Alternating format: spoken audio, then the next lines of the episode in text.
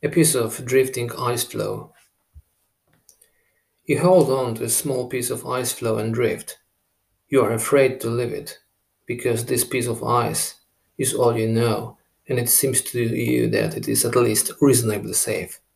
Really. Meanwhile, the piece of ice that you consider your land is neither really comfortable nor safe. You know it. Was this what you wanted in your life? Have you ever dreamed about this? Don't deceive yourself. This is not what you wanted. Inside you, feel that you should have left it sometime, once upon a time. Do it to really improve your life. So why don't you do it? It's simple. You are very scared. You prefer the quality, you know that the pain to endure and to risk and the, the chance of winning your life.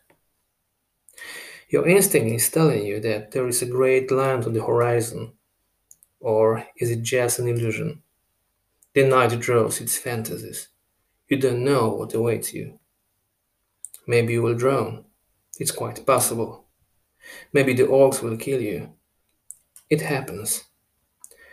The water is so cold that you may run out of strength shortly after you leave.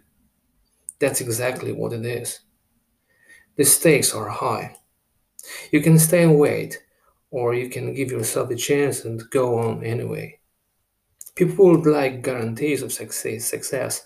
They are afraid of the risk. There are no such guarantees. Therefore, most people will never leave their piece of ice floe. So are their parents, and so are their parents' parents.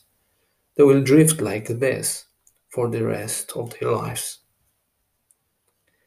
They work in places where instead of using their true potential and developing it further, they passively stay afloat.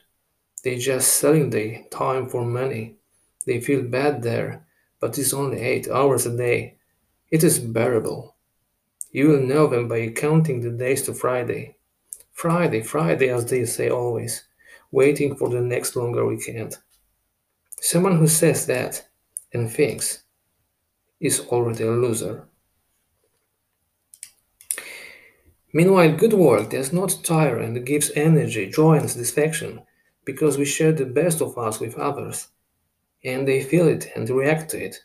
This is what makes sense. Such people also often live, often live in the wrong places or live among the wrong people. Being around others has a huge impact on, on the quality of life. It can bring suffering or joy and fulfillment. It is a tough and risky decision I know. To give yourself a chance to change, you must enter the icy water first and push yourself away from your only raft, then swim into the dark. I knew a lot of people drifting on such an ice float, sometimes several on one, until there was no room. They never dare to make serious changes. They are strong with words, bad thoughts about it. Such a vision scares them, and therefore they will never know that they could do much more. Such people don't win their lives. You can do otherwise, as long as you are alive. It is never too late to try. And one more thing.